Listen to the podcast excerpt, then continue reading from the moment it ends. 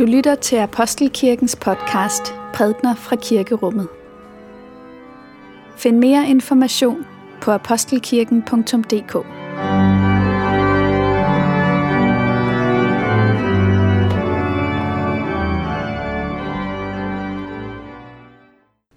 I dag er det sidste søndag efter Hellig Tre Konger.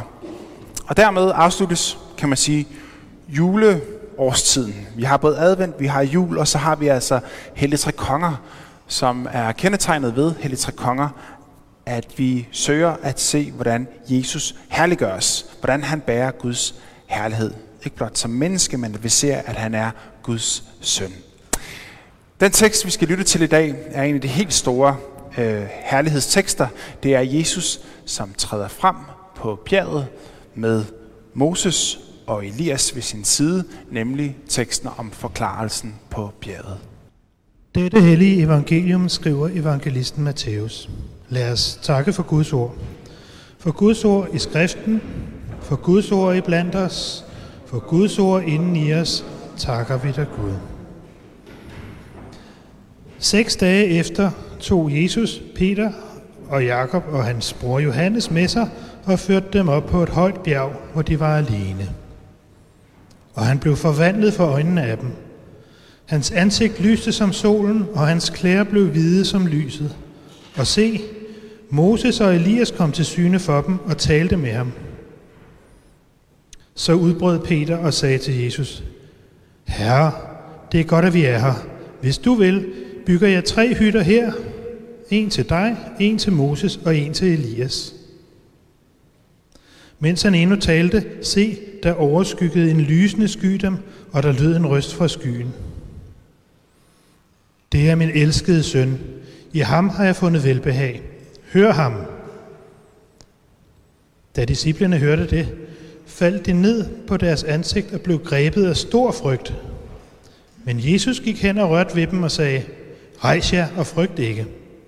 Og da de løftede deres blik, kunne de kun se Jesus alene. Mens de gik ned for bjerget, befalede Jesus dem, Fortæl ikke nogen om dette syn, før menneskesønnen er opstået fra de døde. Amen. Ja, det er unægteligt noget af et syn, de tre disciple får i dagens tekst. De står der på bjergets top, og så med et, så rives de ud af den virkelighed, som de kender alt for godt. De ser, hvordan deres herre forvandles for øjnene af den. Hans ansigt stråler som solen. Og det er ikke kun det, det stærke lys, som øh, gør det indtryk. Jesus står der ikke alene. Ved siden af ham står Moses og Elias, de store profeter. Så det er et spektakulært syn, de ser. Peter, Jakob og Johannes. Helt afgjort en form for oplevelse for livet. Og må ikke i det øjeblik, hvor de har stået og set Jesus der herliggjort, fuldstændig klædt i hvidt, det er som om, at der er en klarhed, der har indfundet sig hos dem. Som om, at der er nogle brikker, der falder på plads. Teksten i dag hedder Forklarelsen på bjerget. Ikke forklaringen på bjerget. Altså, der er ikke tale om en forelæsning til hovedet, men at de står der, og de ser det, som Jesus er. Jesus i sin himmelske herlighed. Det klargøres, det tydeliggøres, hvem han er. Og de ser altså en fli af denne større sammenhæng, og det lille kikhul, de har ind i denne store herlighed, det har den effekt, at alt, hvad de måtte have af tvivl, af bekymringer, af usikkerhed osv., det forsvinder som duk for solen. Kristi forklarelse giver de tre disciple en form for klarhed. Og når man tænker over det, så er det vel en form for klarhed, som de fleste af os også ønsker ind over vores egne liv. Det kan så let blive sådan, at små ting får lov til at fylde sig enormt meget i vores liv. Den ene dag tager den anden, og man prøver bare at komme i mål med de ting, som man har sat sig for. De små gørmål, der skal gøres i løbet af dagen. Og det er egentlig sjældent, man kommer derhen til, hvor man kan sætte sig ned og gøre en egentlig prioritering af de ting, man vil. Nej, det er som om, det er snarere en masse ting, man skal indhente. Klarhed ville være skønt. Eller klarhed, når det gælder i forhold til troen. Disciplerne kendte også til dette at være usikker, at tvivle.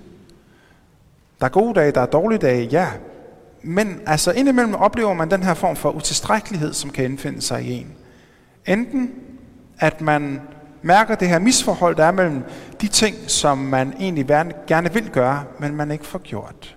Eller omvendt, det er stort set kun praksis, som er der, og man gør de ting, som på en måde er i overensstemmelse med det, man gerne vil, men det føles alligevel hult, hult for der mangler en indre overbevisning. Hvor ville det være vidunderligt, hvis man bare kunne slippe alt det her, og i stedet ligesom holde fast i det her klarhedens øjeblik, som disciplerne erfarer i dag. Og vi får et lille hint om, at Peter tænker nogenlunde sådan her. Som Dorte sagde, som vi hørte, Peter han siger, øh, har godt at være. Skal, skal jeg ikke bygge tre hytter? Altså, slår jeg ned her. Lad, lad os fastholde dette øjeblik. Lad os, lad, os, lad os forankre det. Lad os skabe en base et sted her. Dagens budskab, skåret helt ind til benet, kan udtrykkes sådan her. Bjergtoppe skal besøges, men ikke beboes. Det egner de sig ikke til. Livet kan ikke leves der. Og det sander Peter også, for snart bagefter, så er han på vej ned ad bjerget igen, sammen med Jesus og disciplerne. Og det første, de møder, når de kommer ned i lavlandet, ja, det er en dreng, som lider af svære epileptiske anfald. Hans forældre kommer med ham, de er knust. Og måske er det i virkeligheden først i det øjeblik, disciplerne er nede i dalen, at de for alvor forstår, hvorfor Jesus han tog den med op på bjerget. Han, som for kort tid siden stod der og snakkede med de store profeter, han står i næste øjeblik og lægger sin helbredende hånd på den lille dreng. Kilderne udspringer fra højden, fra bjergene, men vandet løber nedad, ned og bliver til liv, bliver til gavn, bliver til glæde for menneskene, som bor der. Det er den bevægelse, disciplerne får lov til at erfare i dag.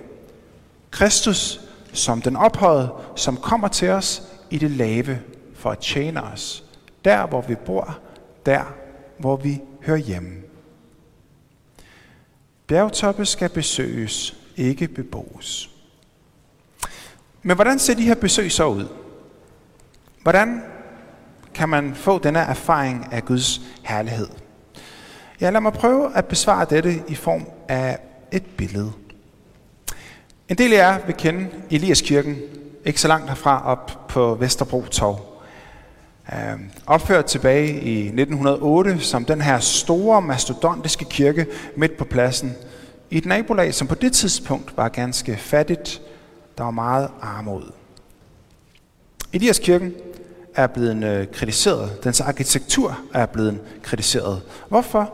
Jo, fordi den forekommer at være verdensfjern. Den ligger jo med den her fantastiske beliggenhed på den store plads, der hvor folket færdes. Men det er som om, at bygningen er en lille smule utilnærmelig. Hvis man går ned på pladsen, så kan man se, at der er en høj stentrappe, som går op til selve kirkebyggeriet. Og går man op ad den lange stentrappe, så kommer man ind i kirkerummet. Men når man kommer ind i kirkerummet, så forstår man, at alderet ligger endnu højere op. Man skal op af endnu en lang trappe for at komme op til alderet. Alderet i Elias kirken ligger nogenlunde i anden sals højde. Elias kirken har fået sit navn efter den tekst, vi netop har hørt. Og aldermaleriet viser netop Jesus på forklarelsens bjerg med Moses og Elias på hver side. Martin Nyrup var kirkens arkitekt, og han var meget bevidst om de her trapper. De havde et formål, både dem nede på pladsen og dem inde i kirkerummet. Hans tanke var den her. Kirkedegængerne skulle på en måde gå i disciplernes fodspor. At det var sådan, at hver kirkegænger søndag efter søndag blev af Herren selv inviteret op i højden. Altså, Nyrups tanke var, at gudstjenesten var noget, der i virkeligheden foregik på bjergtoppen. En lille bjergbestigning skulle til. Og allerøverst derop ved alderet, i nærvær af Moses og Elias og Jesus, der samledes menigheden, knælede, sang hellig, hellig, hellig sammen med engleskarne, når den fejrede nadver sammen. Brød og vin blev delt. Se, det er det her herlighedsnærvær, som Elias kirkens arkitektur udtrykker. At det er der på bjergtoppen, at vi får lov til at erfare en fli af denne herlighed. Men opholdet på bjergtoppen er dog kun et besøg. Der, der søger vi hen, ikke for at afskærme os fra verden eller for at få fred fra den, men nej, for at vinde det store perspektiv, for at se den større sammenhæng, for at erfare, at det er fra højderne, at kilderne flyder. Og når vi så rejser os igen og begiver os væk derfra, der går vi ikke alene. Kristus er med os på samme måde, som han gik med disciplene ned af bjerget igen. Han er hverken fremmed eller, eller fraværende for alt, hvad der sker ude for kirkedøren. Nej, han kalder os derimod til at gå ud med fred og med frimodighed, i vidshed om, at han er med os alle dage ind til verdens ende. Lov og tak og evig ære være dig, vor Gud, Far, Søn og Helligånd. Du som var, er og bliver en sand treenig Gud, højlået fra første begyndelse, nu og i al evighed. Amen.